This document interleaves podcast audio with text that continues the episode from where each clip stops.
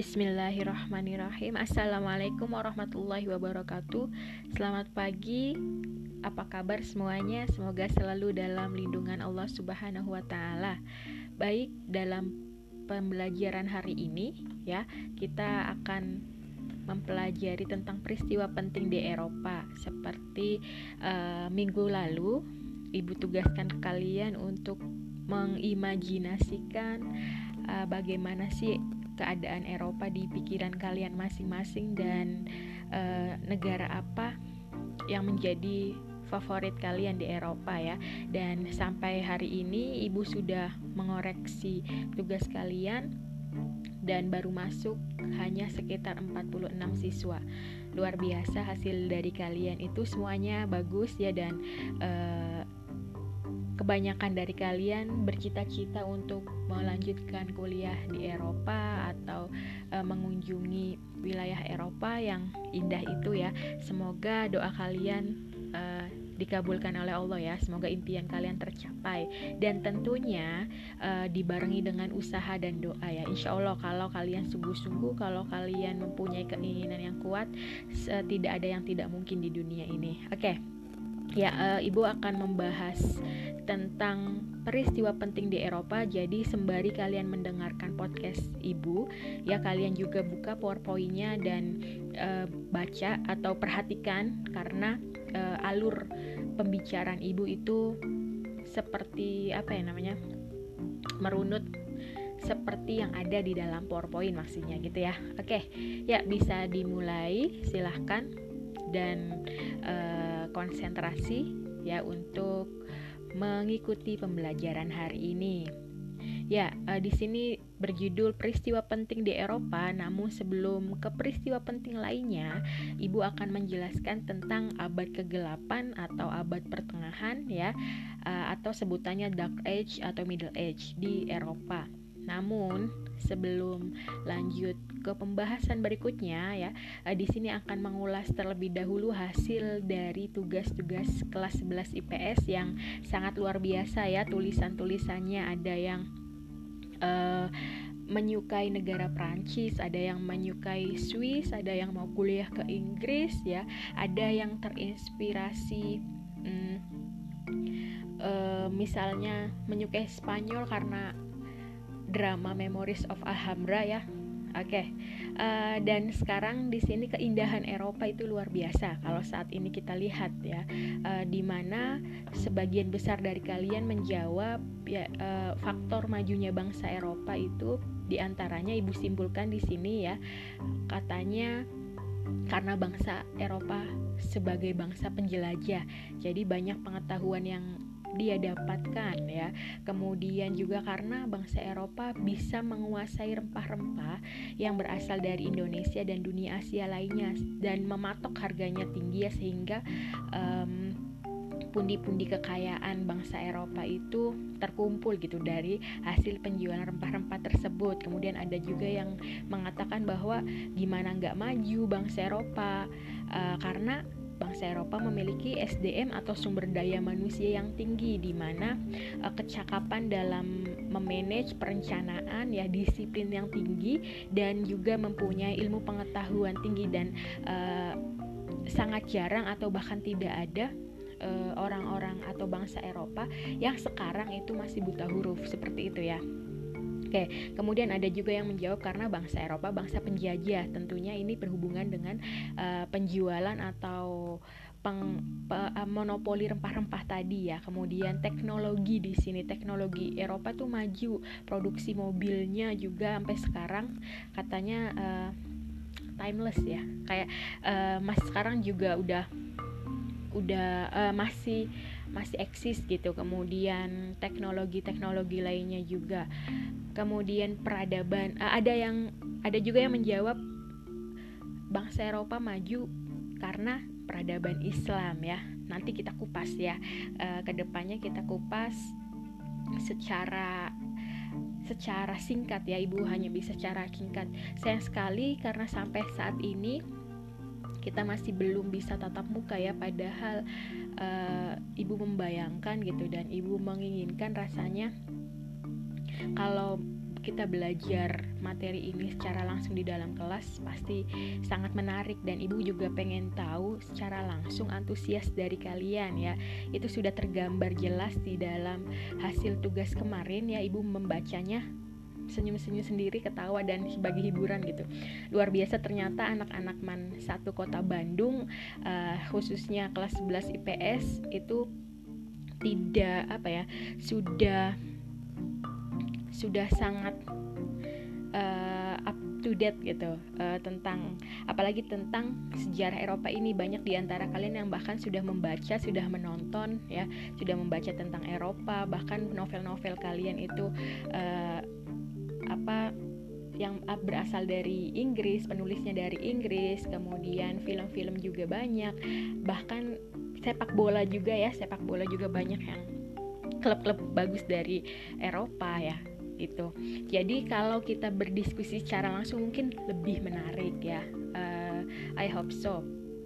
Semoga kita dapat segera bertemu ya dengan anak-anak hebat dengan generasi luar biasa uh, khususnya di Mansatu Kota Bandung. Oke, lanjut ya. Nah, di sini Ibu gambarkan pembabakan sejarah Eropa secara kronologis ya. Kalian waktu kelas 10 belajar kan tentang uh, sinkronik diakronik ya, kronologis periodisasi. Nah, di sini uh, Ibu gambarkan uh, beberapa atau apa ya bagian-bagian waktu yang dialami sejarah Eropa. Dari yang pertama itu di Eropa ada Yunani klasik, Romawi klasik, kemudian ke abad pertengahan, kemudian ada zaman peralihan atau transisi dan kemudian zaman modern yang menentukan Eropa seperti sekarang gitu. Kenapa sih kita belajar sejarah Eropa?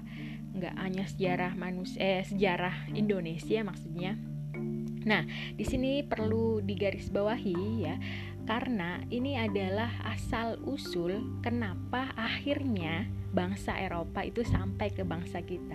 Kenapa akhirnya bangsa Eropa itu mempunyai pemikiran, mempunyai ide untuk menguasai rempah-rempah di dunia Asia bahkan Indonesia dan bahkan menjaj eh, menjajahnya sehingga Eropa uh, bisa maju seperti sekarang ya. Itu ya.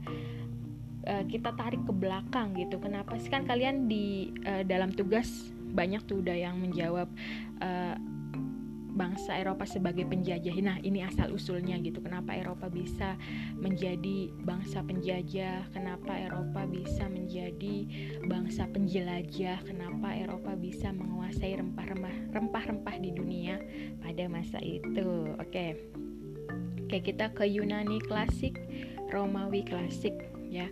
Yunani klasik dan Romawi klasik ini udah belajar ya ketika kelas 10 sejarah peminatan di mana peradaban Yunani klasik dan Romawi klasik itu walaupun pada masa itu ya bahkan jauh sebelum Masehi tapi mereka sudah menguasai ilmu pengetahuan, filsafat, seni, sastra, bahkan politik ya. Bahkan politik sekarang yang digunakan di berbagai bangsa juga uh, akarnya itu dari kebudayaan Yunani dan Romawi ya. Demokrasi yang digunakan di Indonesia juga akarnya dari sana.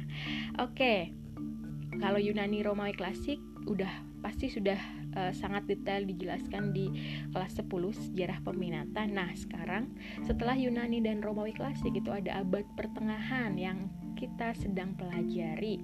Abad pertengahan atau abad kegelapan ya apa sih abad pertengahan atau kegelapan itu kenapa gelap gitu disebutnya ya di Eropa nanti kita akan bahas. Kemudian setelah itu ada zaman peralihan atau transisi di Eropa ya.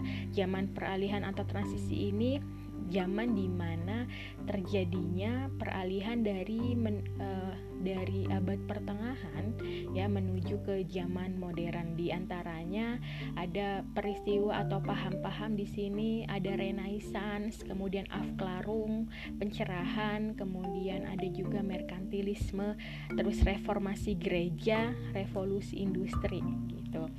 Uh, kemudian menuju ke zaman modern. Zaman modern di Eropa ini ditandai dengan adanya revolusi Prancis ya. Dan ini nanti akan kita pelajari semua ke depannya, oke? selanjutnya. Nah, di sini kita akan bahas ya tentang abad pertengahan atau abad kegelapan Eropa. Kenapa Eropa pada masa itu disebut sebagai abad kegelapan? Gelap ya di sini. Oke, uh, kita kronologikan dulu ya pada tahun 476 Masehi uh, Eropa itu yang sebelumnya dikuasai oleh Romawi ya uh, mengalami kehancuran dan diambil alih kekuasaannya oleh kaum Odoaker namanya. Nah, kaum Odoaker ini berasal dari Eropa Utara atau kaum Jermanik di mana kaum Odoaker ini uh, dikenal sebagai bangsa yang barbar dan uh, menghancurkan akhirnya menghancurkan peradaban Yunani dan Romawi yang sudah mapan pada masa itu. Nah, kaum Odoaker ini ya, e, mereka itu tidak tertarik dengan politik, dengan seni, dengan ilmu pengetahuan. Makanya kebudayaan-kebudayaan yang dihasilkan oleh Yunani Romawi yaitu mandek sampai di pada masa ini pada abad kelima ya atau pada tahun 476 Masehi.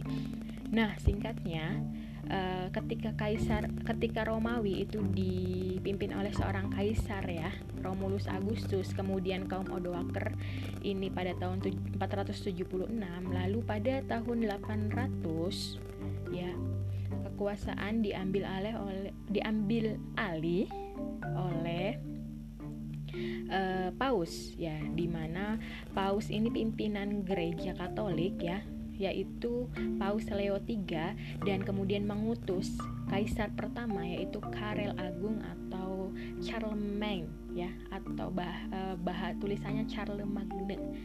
Nah, Karel Agung ini menjadi kaisar pertama bangsa Eropa di bawah kekuasaan gereja Katolik.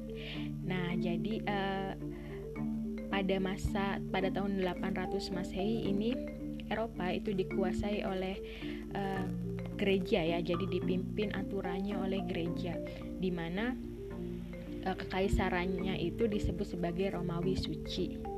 Nah, di sini selain mengemban tugas politik, Kekaisaran Romawi Suci juga mengemban tugas agama, yaitu melindungi agama Kristen dan menjamin penyebarannya ke seluruh Eropa. Di sini maksudnya agama Katolik ya. Kalau Kristen Protestan nanti beda lagi. Kita akan belajar di reformasi gereja.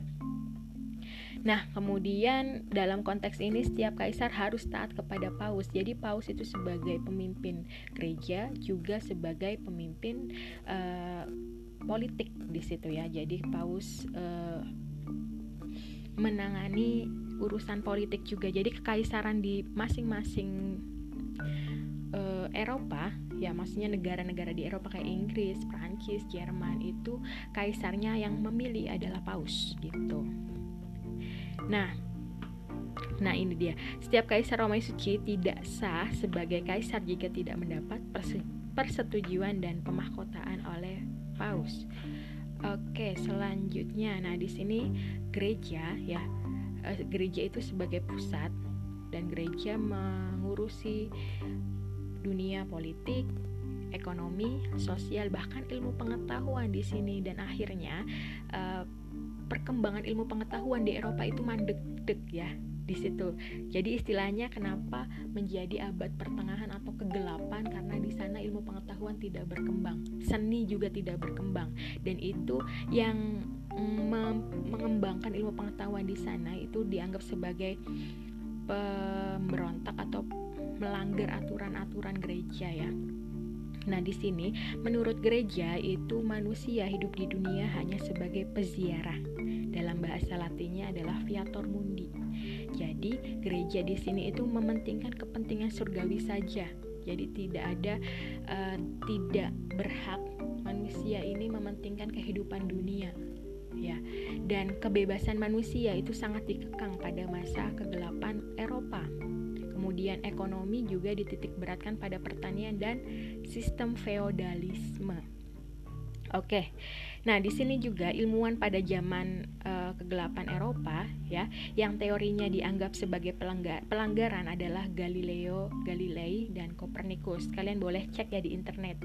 Uh, teori heliosentris oleh Copernicus itu sangat ditentang oleh gereja karena gereja dan uh, agamawan pada masa itu me mempercayai bahwa dunia itu datar ya bumi itu datar gitu oke kemudian um, jadi kalau ada hal-hal yang berkaitan dengan dunia atau orang-orang yang berpendapat itu uh, di dicap oleh gereja sebagai pembangkang, sebagai pelanggar ya dan mereka dijatuhi hukuman.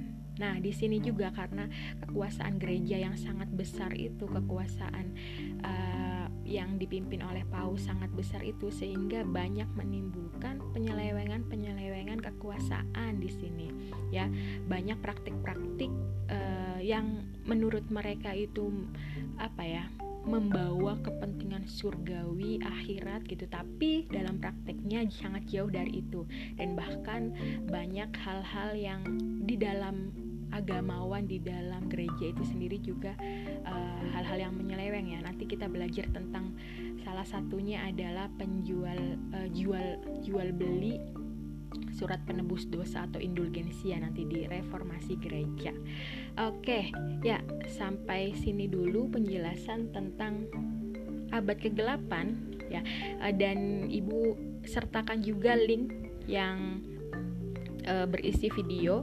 Kalian jangan lupa untuk menonton video tersebut ya yang e, berasal dari sudut pandang bahwa abad ke-8 di Eropa adalah abad keemasan dalam Islam. Karena ada dua negara yang tidak uh, terpengaruh abad ke-8 di Eropa ya ada dua negara. Kalian cari apa negara itu. Oke kal uh, kalian boleh bertanya uh, di WhatsApp Ibu atau di timeline Google Classroom ya. Ibu anjurkan di Google Classroom di timeline kalian ke di timeline kelas kalian masing-masing kalian bertanya di situ. Jadi bisa dilihat oleh uh, teman-teman kalian dan kita adakan diskusi. Oke, barang siapa yang bertanya, Ibu kasih nilai plus tentunya. Oke, sampai sini dulu penjelasan tentang abad ke-8. Semoga membuka pikiran kalian atau yang udah tahu malah lebih tahu Oh iya, ibu juga akan lampirkan novel ya yang berjudul Dunia Sopi. Itu ada di situ menjelaskan tentang apa yang kita pelajari uh, sekarang dari abad ke-8 Renaissance, reformasi gereja ada di situ semuanya dan ibu juga sertakan novel online-nya ya di situ. Oke, terima kasih untuk hari ini. Mohon maaf apabila kata-kata ibu banyak yang belibet ya. Kemudian ada kata-kata salah dari ibu. Walafu minkum wassalamualaikum warahmatullahi wabarakatuh.